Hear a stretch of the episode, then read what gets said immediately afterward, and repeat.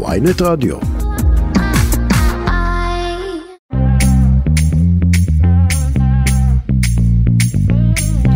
שלום לכם, אתם שוב איתנו בכסף חדש, התוכנית הכלכלית היומית של ynet רדיו. עורכת התוכנית שלנו היום היא נועה פרנק, עמית זק על הביצוע הטכני, ואני דן רבן. אז בימים האחרונים יש סערה גדולה סביב הכלכלה העולמית ככלל, וספציפית סביב אה, שוק הבנקאות והפיננסים, אחרי ששני בנקים גדולים בארצות הברית קרסו, ויש הערכות חזקות לגבי המשך כדור השלג הזה, ואולי קריסה של עוד אחד כבר היום. אה, במחצית הראשונה של התוכנית ננסה להבין איך זה קרה, מה המשמעות של המהלך הזה, מה הסיכוי שדבר כזה יקרה גם בישראל, ואיך זה משפיע אה, גם על תעשיות נוספות, למשל תעשיית הקריפטו. בחלק השני של התוכנית נדבר על דברים קצת אחרים, גם על האוסקר שהיה הלילה, וגם על תופעת הקורקינטים השיתופיים ולאן היא הולכת.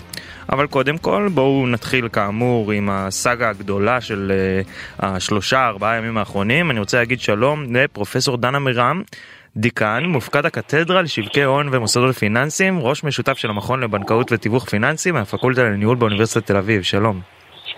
אהלן דן, מה שלומך? הטייטל הכי קשוח שהיה לי עד היום, מודה לך. וזה מקוצר, פרופסורים אוהבים טייטלים ארוכים.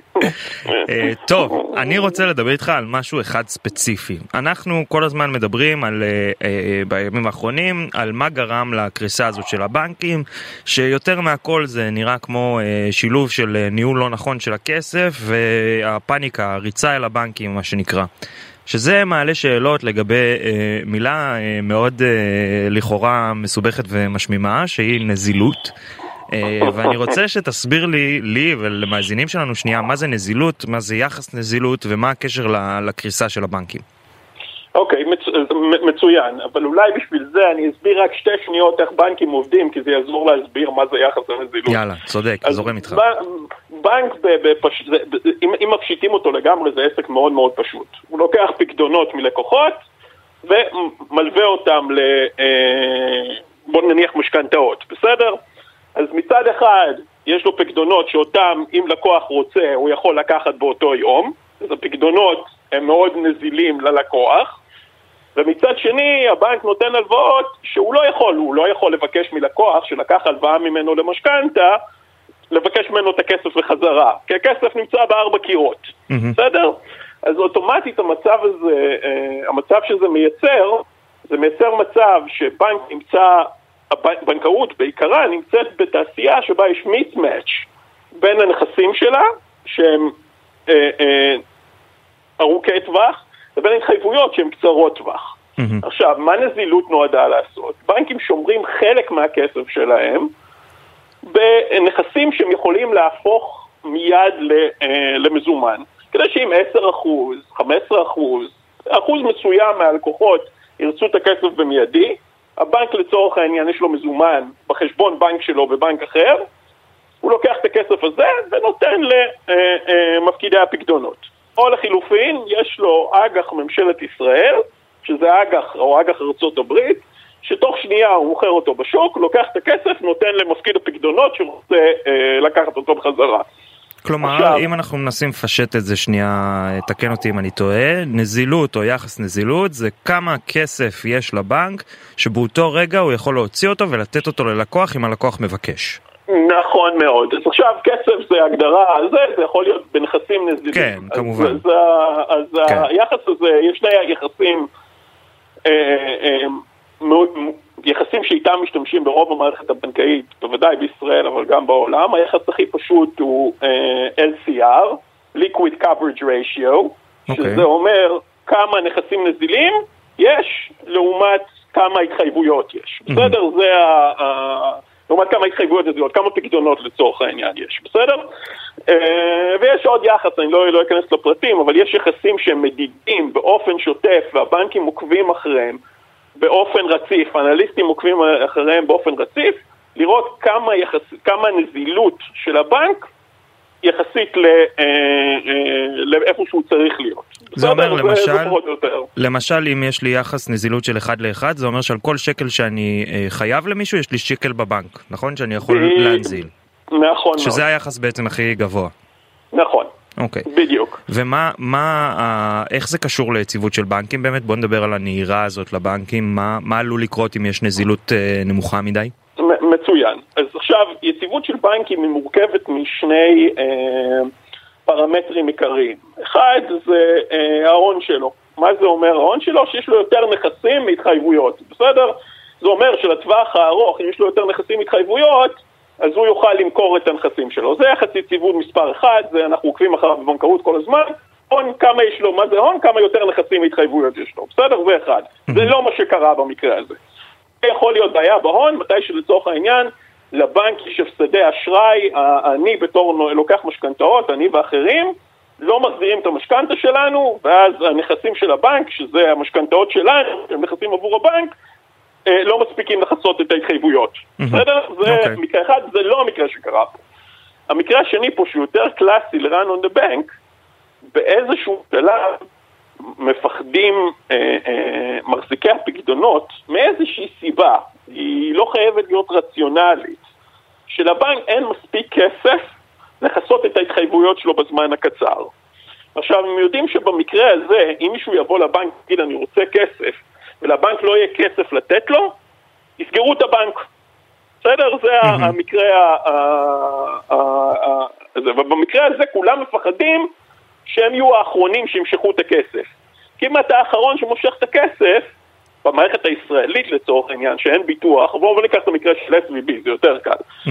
אם לצורך העניין יש לך פקדונות גדולים SVB, בבנק, נגיד שנייה, סיליקון ואלי בנק, זה הבנק הראשון שקרס בשבוע שעבר. נכון מאוד.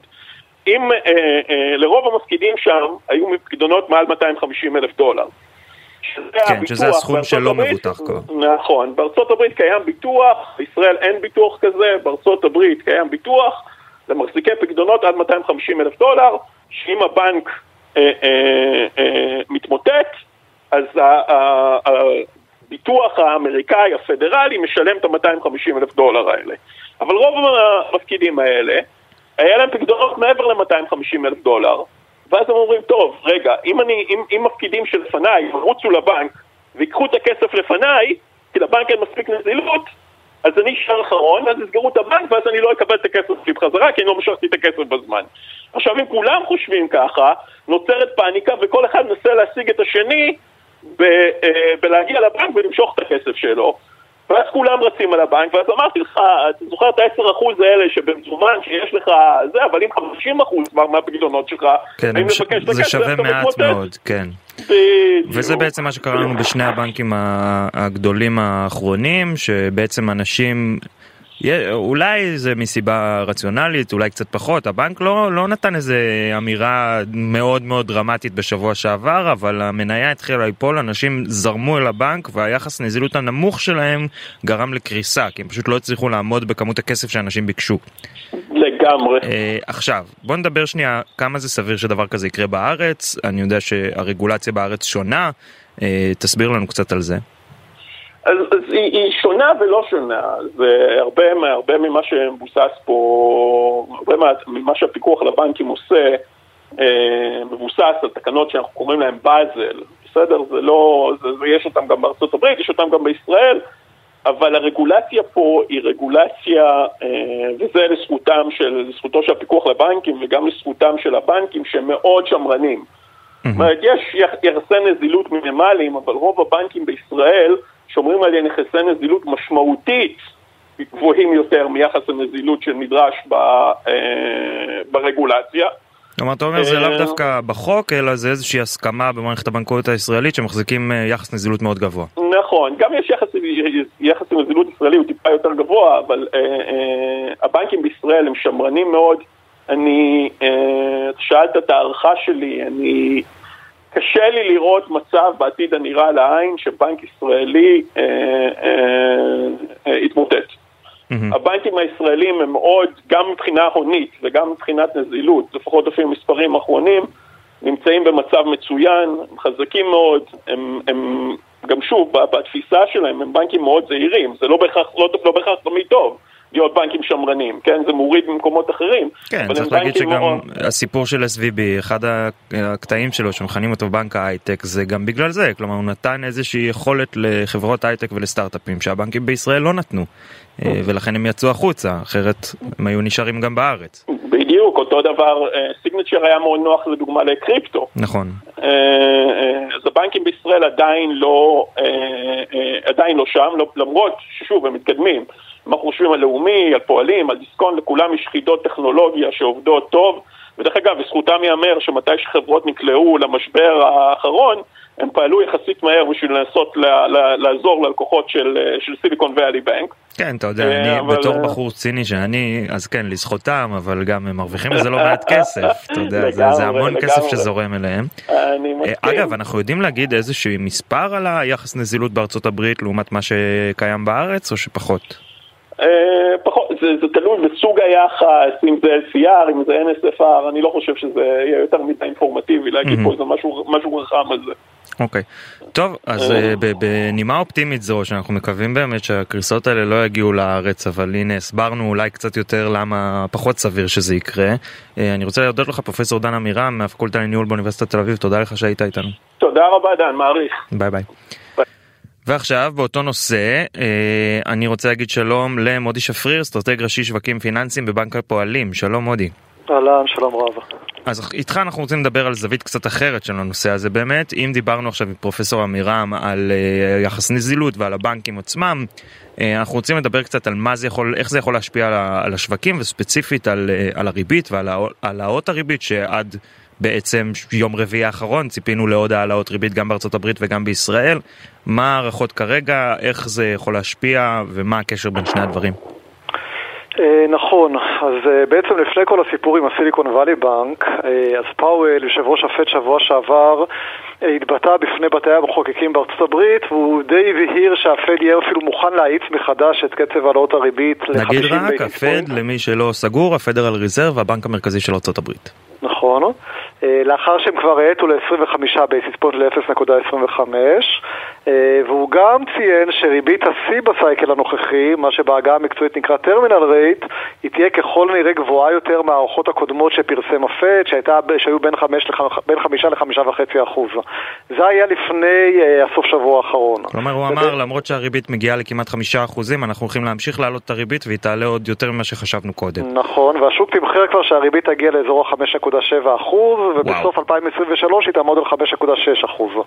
ואז הגיע הסיפור בסיליקון וואלי, וחששות בשווקים מבנקים, אה, גם אם הם קטנים, נוספים בארצות הברית, ויותר מזה, ההבנה של העלאת ריבית כה חדה ובאופן אה, כה מהיר שהייתה בארצות הברית, יש גם השלכות כלכליות שליליות, וזה הוביל לירידה חדה מאוד בתחזית הריבית, בתחזיות של השווקים לריבית בארצות הברית בשנה הקרובה, שתבין, אנחנו דיברנו על 5.6 השוק תמחר אה, בסוף 2023 רק ביום חמישי האחרון, לעומת ריבית של 4.75 כיום, אז עכשיו אה, השוק מתמחר שהריבית תעמוד על 4% בסוף 2023, זאת אומרת ירידה חדה מאוד בתחזיות, יותר, יתרה מכך, אם שבוע שעבר דיברנו, או השוק דיבר על כך שיש סיכוי לא רע בכלל שהריבית תעלה בחצי אחוז בפגישה הקרובה ב-22 לשלישי בארצות הברית, אז השוק כרגע מתמחר סיכוי של בערך 40 אחוז לכך שהפד בכלל לא יעלה את הריבית. אז בואי, תסביר לי שנייה, למה, מה, מה הקשר בין uh, קריסת בנק SVB, שהוא בנק ההייטק, והפאניקה הזאת בשוק הפיננסים והבנקאות, שבסדר, אוקיי, היא זולגת לכל שעה,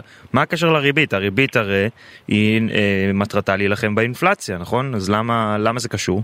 נכון, אז באמת, תראה, הפד עכשיו הולך גם להיות בדילמה מאוד מאוד קשה, כי מצד אחד, אה, לא סתם פאוול בא, אמר את זה שבוע שעבר, שהריבית צריכה להמשיך לעלות, והיא תיוותר higher for longer, זאת אומרת ברמה גבוהה למשך תקופה ארוכה, בגלל שהאינפלציה עדיין מאוד גבוהה, בגלל ששוק העבודה בארצות הברית הוא מאוד הדוק, עדיין יש לחצי שכר, אה, וכל הדברים האלה תומכים בהמשך העלאות ריבית. מצד שני, בסופו של דבר, כשאתה מעלה את הריבית כל כך בחדות, ואתה מותיר את הריבית, ולפחות אתה מצהיר על זה שאתה תותיר את הריבית ברמה אה, גבוהה, מאוד מרסנת, מאוד מרסנת את, את הפעילות הכלכלית למשך תקופה ארוכה, אז יש לזה כבר, יש לזה גם השלכות שליליות על הכלכלה.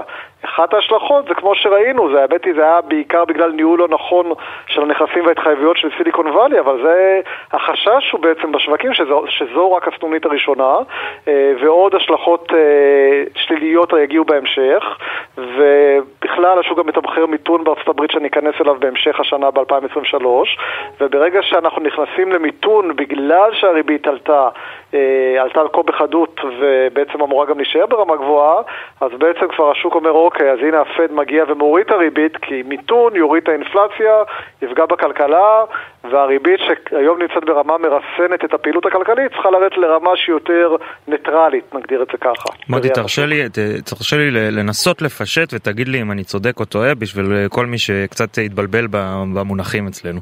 בסוף העלאות הריבית נועדו להעלות את המחיר של הכסף, כלומר להוריד את הביקושים, כלומר להוריד את האינפלציה. נכון. אחד מהתירוצים או, או האמירות של אה, הפד זה אנחנו יכולים להעלות את הריבית בגלל שהשוק חזק, אין אבטלה, אה, אבטלה לא עולה, אנחנו לא בדרך למיתון או לפחות לא בקרוב, ולכן אנחנו יכולים להתמודד עם ריבית יותר גבוהה. נכון מאוד. עכשיו הסיטואציה הזאת שהבנקים קרסו אומרת רגע שנייה אולי היכולת שלנו להתמודד עם עוד העלאות ריבית היא, היא לא גבוהה כמו שחשבנו, וזה בעצם מה שעלול להשפיע על הריבית בארצות הברית בשבוע הבא. נכון. אה, עכשיו, איך זה יכול להשפיע על הכרזת הריבית בארץ? יפה, אז תראה, הריבית בארץ מושפעת דבר ראשון מגורמים פנימיים בישראל, שזה בעצם שיעור האינפלציה כאן בישראל, זה דבר ראשון, אבל כמובן מסביבת הריביות הגלובלית. עכשיו, גם בישראל, אם לפני שבוע השוק תמחר שהריבית אה, תעמוד בשיאה, תגיע בשיאה, היום היא עומדת על 4.25 והשוק תמחר שהיא תעמוד בשיאה ליותר מ-5%, אז כרגע גם בישראל יש ירידה בתחזיות, וכרגע השוק מגלם שהריבית תגיע במקסימום ל-4.6% כאן בארץ, ושפעם הבאה שהיא תעלה, היא תעלה בקצת פחות מ-0.25. זאת אומרת, השוק מתמחר שהיא במקסימום תעלה בפעם הקרובה, בהחלטה הקרובה, ב-0.25, עם סיכוי מסוים לכך שהיא לא תעלה בכלל. אני רק אגיד שגם בארץ, לפני שבועיים, השוק תמחר הסתברות כמעט מלאה לכך שהריבית תעלה בחצי אחוז בפגישה הבאה. זאת אומרת, יש, במה שקורה בעולם, גם אם אין איזה השלכות מקומיות פה, יש כאן השלכות על, מן הסתם גם על גובה הריבית בישראל. עדיין צריך להגיד שהריבית פה בארץ בעיקר תושפע משיעור האינפלציה שיהיה, אה, וגם מפיחות השקל, היחלשות השקל, ראינו את דוגמה שבא... בוא נדבר שנייה באמת, יש לנו מדד מחירים השבוע, לא? נכון. מה, מה צפוי בו? אה, השוק צופה שהמדד הזה יעלה בין 0.3 ל-0.4. אה, בראייה שנתית זה אומר שהאינפלציה תהיה בין 5 ל-5.1 אחוז עיר וריר, זה עדיין אינפלציה בהחלט גבוהה. גבוהה בערך מה שאנחנו נמצאים כבר כמה חודשים טובים, לא? אה, כן, כרגע אנחנו נמצאים ב-5.4%, אבל לפלוס מינוס ברמה, אבל זה משמעותית מעל היעד של בנק ישראל, שהיעד הוא בין אחוז לשלושה, זאת אומרת בראיית בנק ישראל הוא רוצה להוריד את האינפלציה לכיוון לבין אחוז לשלושה אחוז, אה, והם אומרים ומדגישים כל פעם שהם נחושים להוריד את האינפלציה, ובראיית בנק ישראל זה משהו שתומך עדיין בהמשך העלאת ריבית בנק ישראל. מודי, אני לא אנסה להיכנס לראש של הנגיד אה, אמיר ירון, אבל מה, כשאתה רואה דבר כזה כמו קריסה של בנקים בארצות הברית ואולי הפסקה של העלאות הריבית בפד לעומת אה, אינפלציה של חמישה אחוזים פלוס בארץ. מה, מה המשקל יותר גדול? מה, איך, איך עושים את השיקול הזה בכלל? זה שני דברים שונים לחלוטין. נכון, אה, האינפלציה בארץ זה דבר עכשווי כרגע, כשאתה מסתכל על הסביבה הפיננסית בארצות הברית זה יותר אה, החשש לעתיד והמיתון שהולך להגיע בארצות הברית ושישפיע לשלילה גם על ישראל, אני מניח שהוא נותן לזה במשקל מאוד גבוה לשני הצדדים, אני מניח כרגע שהוא יעלה פעם הבאה את הריבית ב-0.25, אבל עד אז עוד הרבה דברים יכולים לקרות גם בשווקים וגם בכלכלה. ומצד שני, זה שהשקל נחלש, גם אה, בצל המהפכה המשפטית, זה גם איזשהו תירוץ דווקא להעלות את הריבית, לא בשביל לחזק את השקל. אה, בהחלטה האחרונה, פרוטוקול הריבית שיצא, זה הצביע על כך, יש לנו כרגע חמישה חברי ועדה שמחליטים על גובה הריבית, אז ארבעה חברים הצביעו בעד העלאה של חצי אחוז, והם ציינו שזה בין היתר בגלל התמדת האינפלציה, האינפלציה הגבוהה והפיחות של השקל, אז כן, יש לזה מן הסתם השלכות על גובה הריבית. טוב, מודי שפריר, אסטרטג ראשי שווקים פיננסיים בבנק הפועלים, תודה רבה לך שהיית איתנו ופישטת לנו את כל הנושא הסבוך הזה. תודה לכם. אנחנו מזכירים לכם שאם אתם רוצים להאזין בהאזנה מאוחרת לכל התוכניות ולכל הרעיונות אתם יכולים לעשות את זה במתחם הרדיו באתר ynet או בכל אפליקציות הפודקאסטים המובילות אה, פשוט מחפשים כסף חדש בשורת החיפוש ויכולים להאזין לנו בכל מקום ובכל מכשיר. אם אתם מאזינים לנו כפודקאסט אל תשכחו לדרג אותנו ללחוץ עוקב אפילו אפשר עכשיו להשאיר תגובות כך שמעתי שמועה במסדרונות המערכת אה, וככה תקבלו עדכון לכל תוכנית חדשה שעולה. אנחנו עכשיו עושים הפסקה מוזיקלית קצרה וכבר חוזרים.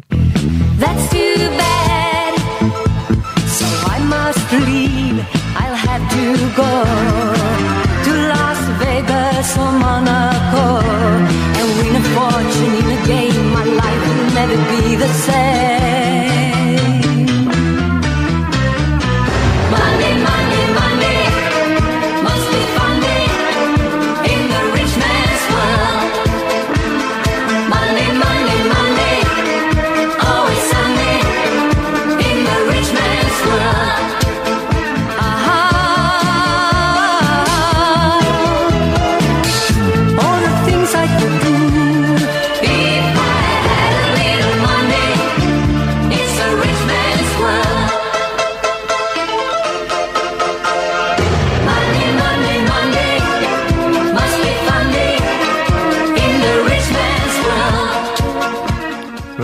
שחזרתם אלינו כסף חדש, התוכנית הכלכלית של ynet רדיו.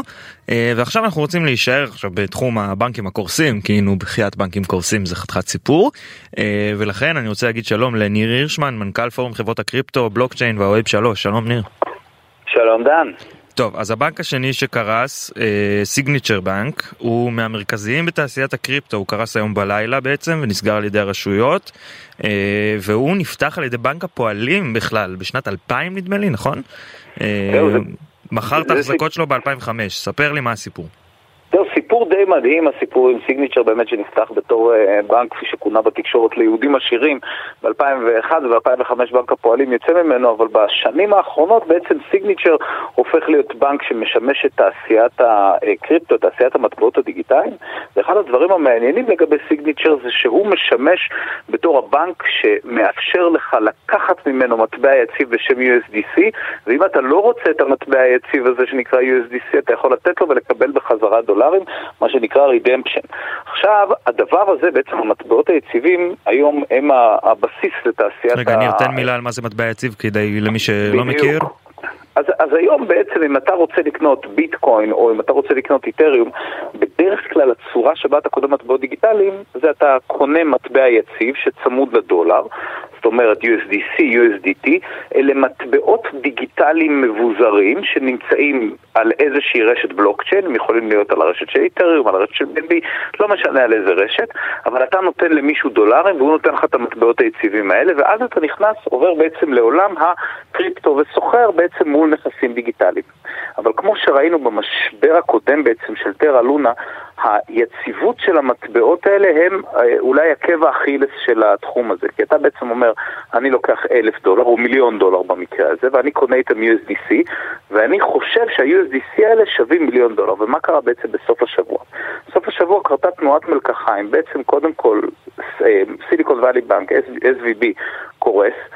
ולחברה בעצם אולי הכי חזקה, הכי משמעותית, עם הכי הרבה רגולציה, חברה שנקראת סירקל, שמנפיקה את USDC, המטבע היציב באמת עם הכי הרבה רגולציה והכי הרבה פיקוח, לחבר'ה האלה היה 3.3 מיליארד דולר שישבו בתוך, uh, בתוך SVB.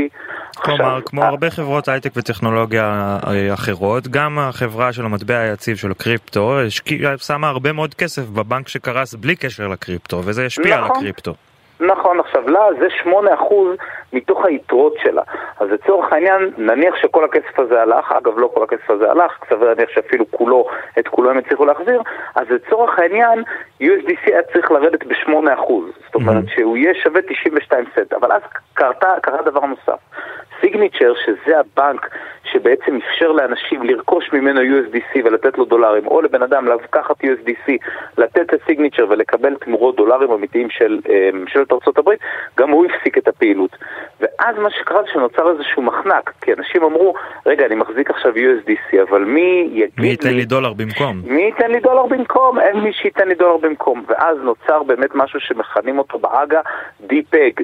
זאת אומרת, המטבע USDC התנתק משער הדולר, התחיל מהר מאוד לרדת, והדבר הזה, כמו שראינו לפני חצי שנה, לפני כבר יותר מחצי שנה, כמעט שנה, עם הסיפור של טרה לונה, הדבר הזה, יש לזה השפעות קטסטרופליות גם על ה... בכלל על שוק המטבעות הדיגיטליים. זהו, איך זה השפיע באמת על ערך הביטקוין, על ערך האיתריום? אז קודם כל, דבר ראשון, הם, הם, הם מהר מאוד ירדו, הם הגיבו בירידות יחסית, לא, בתחום שלנו זה לא ירידות משמעותיות, אבל הם הגיבו בירידות שאפשר לראות אותן, אה, אבל מהר מאוד מה שקרה זה שבעצם USDC הצליחה לייצב את המצב, הצליחה לייצב את המצב, זאת אומרת, היא הצליחה לתת לאנשים דולרים תמורת USDC, שעכשיו מה שקורה זה שברגע שאתה, מראה שהשער יורד, מה זה אומר שהשער יורד? שבן אדם אומר, תשמע, אני מוכן עכשיו שתיתן לי 80 סנט, ואני אתן לך את ה-USDC שלי, אבל אז, אבל אז בעצם סירקל, החברה שבבעלותה נמצאת USDC, אמרה את הדבר הבא, חברים, כל מי שנותן USDC תמורת 80 סנט הוא פראייר, כי אני אתן דולר על כל USDC שאתם תקבלו. בעצם מה שהם עשו זה שפכו כסף לתוך השוק במטרה לקנות USDC ולהעלות את הערך שלו בחזרה לדולר. קודם כל הם פתחו את, ה, הם פתחו את האפשרות לקנות ולמכור מחדש. Mm-hmm. הבעיה היא שזה היה סגור ב... סיגניצ'ר, כן. כן, היא נסגרה עליהם. ודבר שני, מה שקרה עם התבהרות התמונה, התברר שהפקדונות שלהם ב-SVB, לפחות חצי מהם, כפי שהסביר היום אה, בידענות אה, אדם בניון מקוליידר, חצי מהפקדונות שלהם הם בכלל משהו שהם בטוח יקבלו אותו, ועל החצי השני יכול להיות שתהיה להם איזושהי תספורת קטנה, אבל הפקדונות שלהם הם במצב יחסית טוב, אנחנו גם רואים עכשיו שיש איזושהי התפתחות יחסית טובה לגבי SVB, הבנק עצמו כנראה לא שרד את העניין הזה, אבל המפקידים כנראה יקבלו אחוזים ניכרים מהכסף שלהם, וזה מצב שהוא מצב טוב. אבל הנקודה היא, וזה גם צריך להסתכל על זה בכלל, בוא, בוא נסתכל על זה מהנקודה הישראלית, גם אצלנו בישראל הפיקוח על הבנקים שחרר עכשיו, ממש לפני כמה ימים, מסמך שאומר אנחנו צריכים לשים עקרונות לפיקוח על מטבעות דיגיטליים יציבים. מדוע? כי הם מבינים שלדבר הזה יש סיכון למערכת כלכלית. כי בסוף שיש גוף אחר שמנפיק מטבעות דיגיטליים ואומר, שמנפיק מטבע שהוא צמוד למטבע מדינתי, יכול להיות שאנשים יתבלבלו ויגידו לעצמם, אה, זה כמו להחזיק מטבע מדינתי. נראה, אבל תקן, אחד... תקן אותי אם אני טועה שנייה, אנחנו דיברנו בתחילת התוכנית באריכות עם אה, פרופסור דן עמירם על יחס נזילות. בסוף מטבע יציב זה בדיוק אותו דבר, זה היחס בין המטבע so called לכאורה הדיגיטלי לבין מטבע אמיתי שאנחנו מחזיקים בכספת. כלומר הרגולציה אבל... צריכה להיות פה על כמה מטבעות, כמה דולרים אנחנו מחזיקים בעבור כל אה, אה, דולר דיגיטלי כזה, לא? זה לא הסיפור? זה, כן, אבל להבדיל מבנקים, אה, בנקים עובדים ברזובה חלקית. זאת אומרת, הם לא חייבים להחזיק דולר על כל דולר ש, שהפקידו אצלם. במטבעות יציבים שנמצאים תחת רגולציה, הדרישה הרגולטורית היום היא להחזיק 100%, 100% יחס נזילות אחד לאחד. יחס נזילות אחד לאחד. בבנק ישראל, כשהוא מדבר עכשיו, בדוח הזה שהוא מוציא עכשיו, שהוא נותן איזה שהם עקרונות לפיקוח עתידי, הוא אומר שני דברים. הוא אומר, קודם כל, יכול להיות שזה יהיה אפילו יותר מ-100%, אז צריך להחזיק יותר, וגם מה שאתה, גם מה שאתה מחזיק, זה אם אתה מחזיק אותו באיזשהו סוג של פיקדון, הוא חייב להיות נזיל. כי הרי מה קרה בעצם ב-SVB? ב-SVB היה להם מספיק כסף בשביל לכסות את כל ההתחייבויות שלהם, אבל חלק ניכר מהכסף שלהם נעול בהתחייבויות להרבה מאוד שנים קדימה. כן, אז לא היה להם. אז בעצם לא היה להם, זאת אומרת, כן. באו, באו כל האנשים למשוך את הכספים, כי הריבית בארצות הברית עלתה, ובטח כיסיתם את זה באריכות בתחילת התוכנית, ואז באו אנשים למשוך את הכסף, ול-SVB לא היה ממש כסף אז אתה אומר יש אופציה לעשות את זה גם במטבעות יציבים, גם בתחום הקריפטו, לשמור על רגולציה גבוהה ועל יחס אה, נזילות אה, מתאים. אז הנקודה היא שבמטבעות יציבים אנחנו ממש צריכים שהרגולטור ישים את העין שלו ויסתכל פנימה ויראה שבאמת כל דולר מגובה בדולר וכל שקל מגובה בשקל. Mm-hmm. ברגע שאנחנו יודעים את זה, אז אין שום בעיה להצמיד, כי ברגע שאתה יודע שאתה החלט דולר על כל דולר שנתת, אנחנו במצב, אנחנו במצב טוב יחסית. במקרה הזה קרה באמת איזשהו שילוב של אה, מקרים שבאמת יצר איזושהי בהלה, אבל אנחנו רואים שהדבר הזה יחסית... אה, אה, יחסית התייצב. אבל אני רוצה להגיד עוד משהו בעניין הזה. ממש בקצרה, כי אנחנו חייבים לסיים, ניר. ממש, ממש בקצרה, אנחנו רואים שמערכות פיננסיות, גם כאלה שנמצאות תחת רגולציה מאוד משמעותית, עלולות להיכשל, ולכן אנחנו צריכים, גם כשאנחנו מסתכלים על רגולציה, גם כשאנחנו מסתכלים על חדשנות פיננסית, זה קריפטו, בלוקצ'יין, ווב שלוש, אנחנו צריכים לדעת שצריך ללכת עם רגולציה, אבל אסור לנו לאטום את עצמנו לחדשנות. ניר הירשמן, מנכ"ל פורום חברות הקריפטו, בלוקצ'יין וווב שלוש, תודה רבה לך שהיית איתנו. תודה רבה. והפסקה קצרה ואנחנו עוברים לנושאים אחרים, טקס האוסקר ה-95 שהתקיים הלילה, וגם מה קורה עם אה, הקורקינטים השיתופיים בתל אביב, לאן התחום הזה הולך. תכף חוזרים. עכשיו בוויינט רדיו, כסף חדש עם דן רבן. תודה שחזרתם אלינו התוכנית הכלכלית של ynet רדיו ועכשיו בוא נעבור לטקס האוסקר למה לא. אה, אני רוצה להגיד שלום לבנימין טוביאס מבקר קולנוע מידיעות אחרונות וויינט שלום בנימין. שלום שלום מה שלומך אדם? בסדר גמור איך אתה? בסדר אחרי לילה לבן כהרגלי. נו נהדר שאתה איתנו מזל אני מקווה שישנת קצת בין לבין בוא תעשה לנו אה, עמלק מי הזוכים הגדולים מי הפתיע שוב הייתה סתירה היה בלאגן.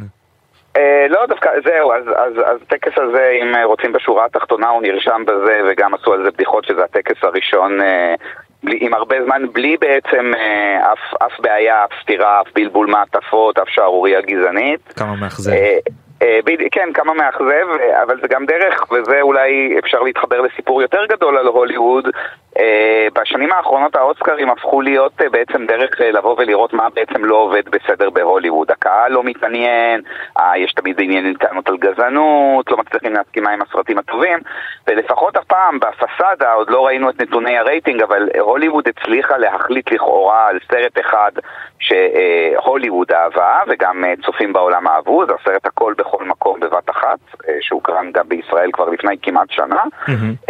ובעצם לעמוד מאחורי סרט, כשאתה יודע, ברשימת המועמדויות, וזה גם תמיד, לפחות לי כמבקר קולנוע, מעניין לראות הרבה פעמים יותר מהזוכים, היא בעצם מראה שיש סוגים שונים של קולנוע שהיא מקדמת, כלומר, שהיו גם שוברי קופות נוסח אהבה בשחקים, מבריק ואבטאר ברשימת המועמדים, שכמעט ולא זכו בכלום, רק בפרסים טכניים, היו גם סרטי איכות כמו טרה אה, מנצחת והפייבלמנים, ובאמצע זכה סרט שהוא קצת... אה, הלו? כן, כן, כן, אני איתך.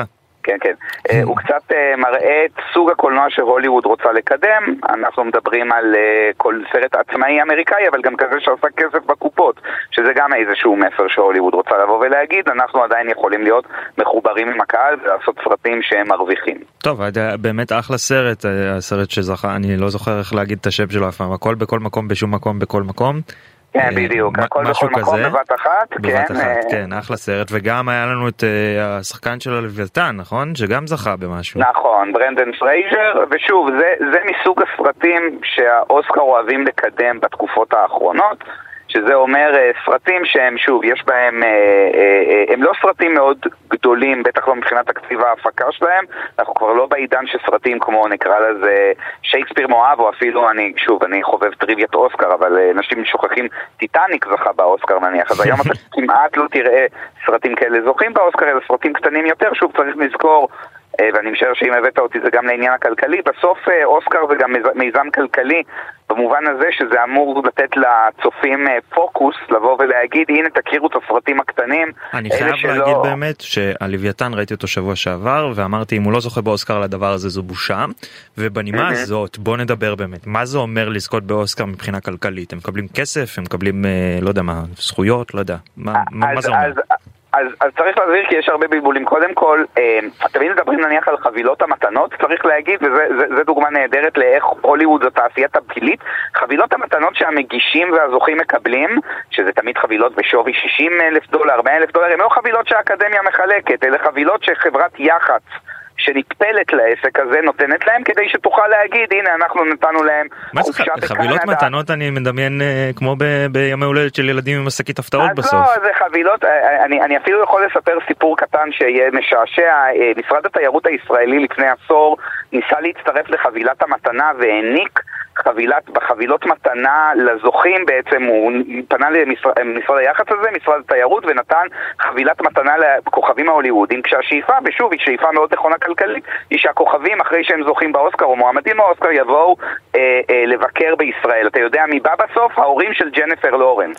כלומר, היא קיבלה את החבילת מתנה, היא כמובן לא אכפת לה, לא באה לבקר בים המלח, ההורים של ג'נפר לורנס באו לבקר, אני זוכר, היה על זה אייטם חמוד. מעניין כמה זה עלה לנו, הביקור הזה. זה עלה לישראל מיליונים, ואני זוכר עשו גם, שוב, יח"צ מטורף על הנה אנחנו הולכים להביא לכאן את הכוכבים הגדולים. כמובן שפעילים פרו-פלסטינים קראו לכוכבים לא לקחת את החבילת מתנה. ברור. אז כאן זה מראה לך שהכל הוא טפילי ופוליטי. אבל בוא נדבר באמת עכשיו, מבחינת הסרטים, הרעיון הוא באמת לתת איזשהו boost. לסרטים וגם לקריירות. נניח, קח בדוגמה את באמת השחקן שזכה בפרס השחקן הטוב ביותר, אותו ברנדן פרייזר. הוא לכאורה עכשיו נמצא בשלב בעייתי בקריירה שלו, כלומר הוא היה כוכב בימי המומיה, מי שזוכר משנות ה-90, כנראה אז הוא יכל לבקש חמישה מיליון דולר, עשרה מיליון דולר, הוא לא היה אף פעם כוכב בסרט גודל גדול, אבל לסרט כזה. היום שכחו אותו, אבל את הסרט הזה בעצם שבו הוא קיבל big break חדש, הצלחה מחדש הוא כנראה עשה בשביל מעט מאוד כסף, אבל עכשיו, אחרי ההצלחה מחדש, הוא יוכל לעשות תפקיד ראשי בסדרת טלוויזיה ולבקש עוד מיליונים, הוא יוכל לבקש, הוא יוכל להיות הנבל בסרט הבא של ג'יימס בונד, אני מה שנקרא נותן לו את סוף קריירה. כלומר, ברגע שיש את הסטמפה הזו של זוכה אוסקר, או אפילו מועמד לאוסקר, אני תמיד משווה את זה לתארי אצולה בריטים. כלומר, בהוליווד הרעיון הזה שאתה מועמד לאוסקר או זוכה אוסקר זה איזושהי סטמפת איכות של אתה באיזושהי אליטה ועכשיו בעצם מגיע לך. אז כמובן המשמעות של זה היא הרבה מאוד כסף בסופו של דבר, כי אה, יש הבדל גדול מאוד בין להיות כוכב אה, אה, עבר לבין להיות כוכב נשכח לבין להיות כוכב זוכה אוסקר. אה, כן, אה, אז אתה אומר זה לא, זה לא שהם מקבלים כסף לחשבון בנק, אבל זה מקפיץ להם את המשכורות אחר כך ואת ההצעות. אה, בדיוק. ואני מניח זה, שזה לא רק גם לשחקן ראשי, זה גם לפסקול ושירים מקוריים וכל מיני... ללא ספק, אני פעם פגשתי, וזה גם הרבה פעמים חרב פיפיות, אני יכול לספר לך סיפור, נראה לי, אותי הוא משעשע, אה, אני פגשתי פעם אה, כותב פסקולים זוכה אוסקר, הכותב מישהו שכתב את הפסקול לסרט הארטיסט, אתה זוכר שהיה סרט כזה? הארטיסט בשחור לבן? אז בחור, אז בחור אה, צרפתי מאוד מוכשר כתב לו את הפסקול שעדיין מדי פעם מופיע בפרסומות. אני פגשתי אותו, ב, אה, אה, הייתה גרסת קונצרטים ואמרתי לו נו אז עכשיו מבקשים ממך הרבה פעמים לעשות פסקולים לסרטים ההוליוודים ואז הוא אמר לי בשקט ככה בסוד הוא אמר לי תקשיב זה אחד הדברים הכי גרועים שקרו לקריירה שלי. ואני מנסה להסביר למה כי עכשיו אני נחשב יקר מדי זה מה שהוא סיפר לי. כלומר אתה מבין את החרב פיתיות הוא רצה להמשיך לעבוד באירופה לא רצה לעבור להוליווד רצה להמשיך לעבוד בסרטים קטנים. אבל מצד שני הסוכנים שלו אמרו לא אתה חייב לבקש את הכסף הזה, כי אתה, מה שנקרא, מלחין פסקולים זוכי אוסקר, אז יש לך סטנדרט. הוא, מה טוב, שיעשה איזה זום עם האנס אה, זימר או משהו, לא? שייקח טיפים. בדיוק, לא, אבל זה, זה בדיוק העניין, זה שלהגיד יש כלכלת אוסקרים, היא שוב, היא, היא רשמית, האקדמיה היא כאילו גוף מנותק, היא לא אה, בוררת, היא לא מנהלת קריירות של אף אחד, זה לא אולפן, אבל כמובן יש לזה השפעה מאוד מאוד מאוד גדולה. אה, וזו חלק מהסיבה שהוליווד אוהבת כל כך את המשחקים האלה, כי זו איזושהי דרך שלה לבוא ולהגיד, אנחנו קובעים מה חשוב ומה לא, אה, מעבר עכשיו לשאלת מה זכה לכסף בקופות. כן. וזה בסוף המבחן האולטימטיבי. טוב, בנימין טוביאס, מבקר קולנוע, ידיעות אחרונות וויינט, תודה רבה לך שהיית איתנו. תודה לכם. ועוד הפסקה מוזיקלית קצרה, וכבר חוזרים עם עתיד הקורקינטים השיתופיים.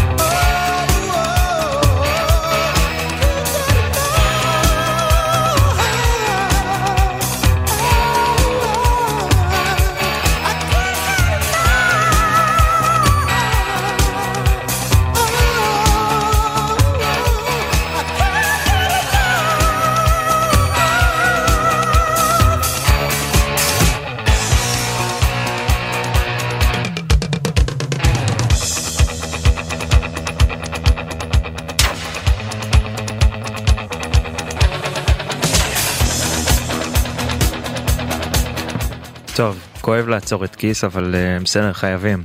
Uh, תודה שחזרתם אלינו כסף חדש, התוכנית הכלכלית של ynet רדיו, ואנחנו ממש מתקרבים לסוף להיום.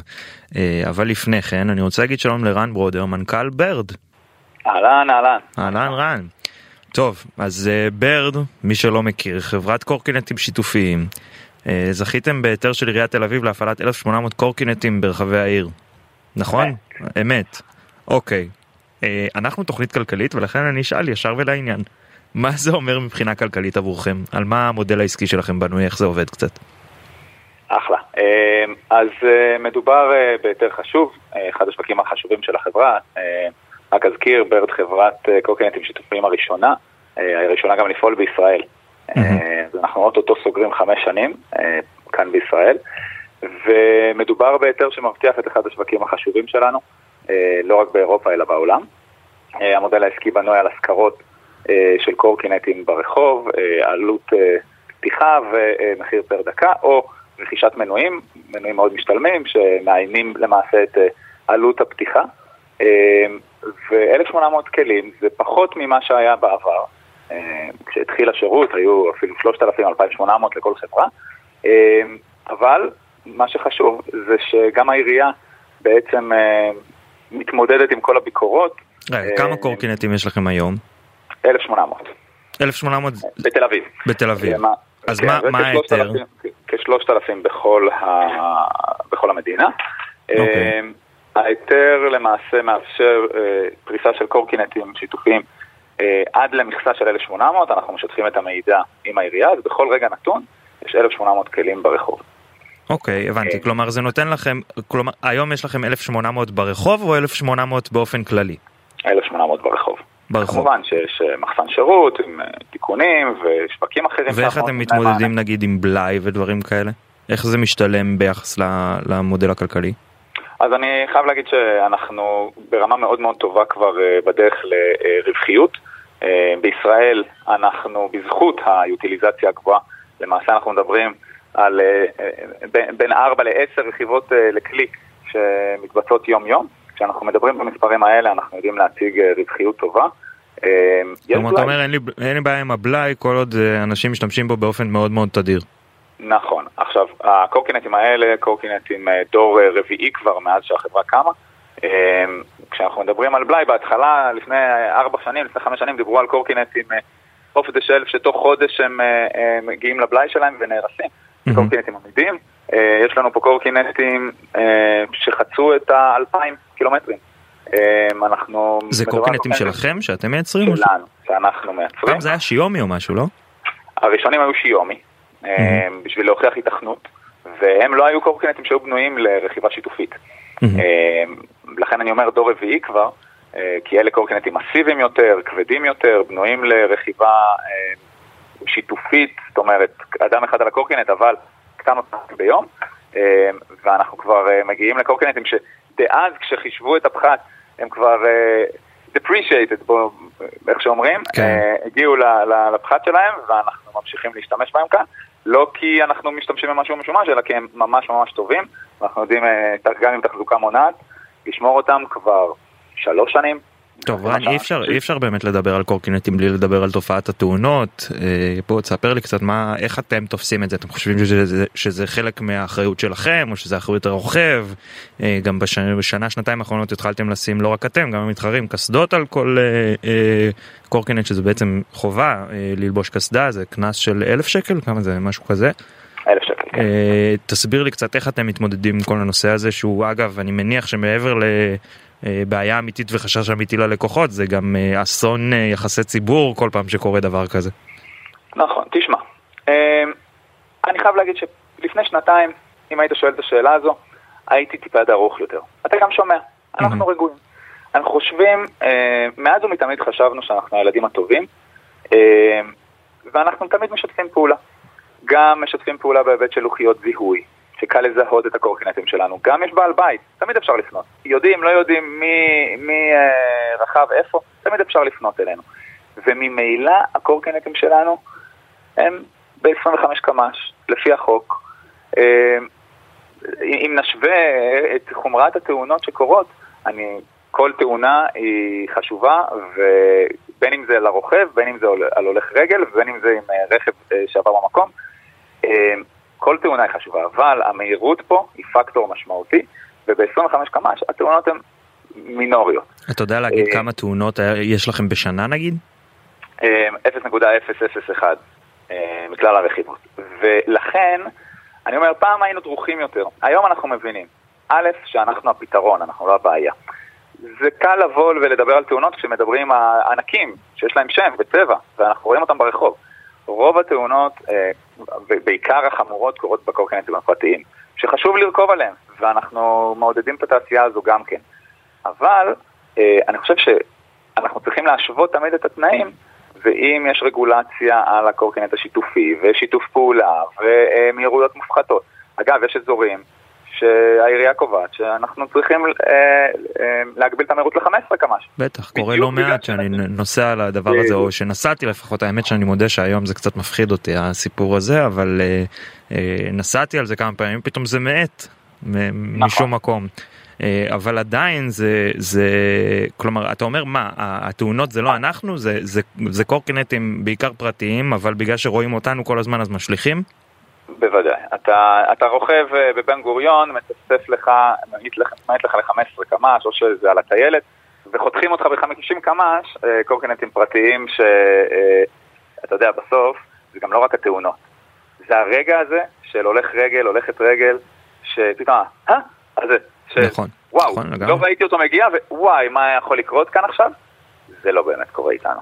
אגב, ב-25 ו-15 קמ"ש זה לא קורה. בדקה שנשארה לנו בוא נדבר קצת על התחרות אתם אני כבר לא ספרתי לדעתי יש איזה שש, שש חברות שונות של קורקינטים חמש. חמש כן משהו היסטרי זה, זה כל שנה צצה עוד אחת איך אתם מתמודדים עם הדבר הזה יש לכם אה, את ליים ווין נכון ועוד מה אחרות?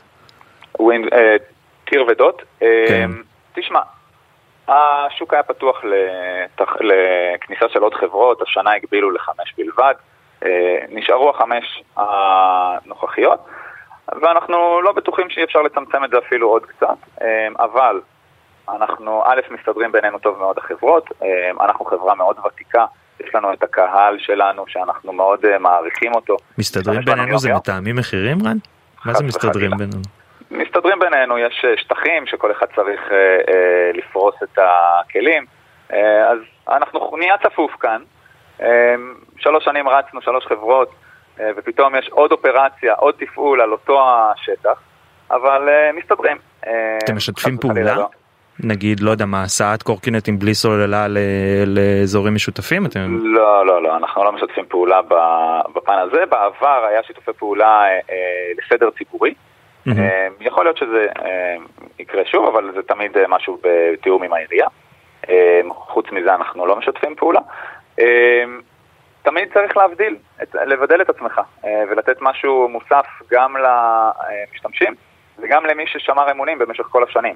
ולכן אנחנו יודעים לאתר את האנשים שאיתנו שלוש, ארבע שנים, משתמשים במנויים שלנו, רוכבים יום-יום.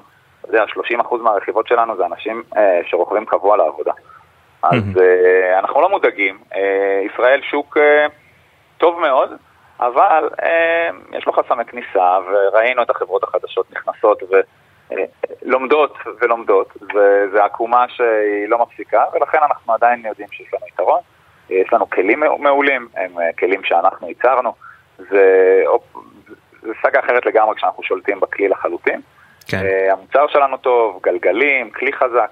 אז אנחנו חיים בתוך התחרות, וגם הנתונים האחרונים, אנחנו מובילים, אנחנו בטופ של השוק. זהו, רציתי לשאול אותך, איך, איך, איך השוק הזה מתחלק כיום? יש איזה מונופולים, או שמה... איך החלוקה של השוק? הוותיקות, החברות הוותיקות מחזיקות בעיקר נתח השוק. שזה Bird, Lime, Wind? כן, וליים ואנחנו בטופ אה, של הנתח שוק. טוב, רן ברודמן, אנחנו חייבים לסיים, אבל היה מאוד מעניין. מנכ"ל בר, תודה רבה לך שהיית איתנו. תודה רבה, אחלה יום. יום טוב. עד כאן כסף חדש להיום, מיד אחרינו דודו ארז ויואב רבינוביץ' עם סיכום היום, מחר יהיה איתכם רועי כץ, תודה רבה לנועה פרנק על העריכה, לעמית זק על הביצוע הטכני, אני דן רבן, אה, המשך האזנה נעימה ושיהיה לכם המון כסף חדש.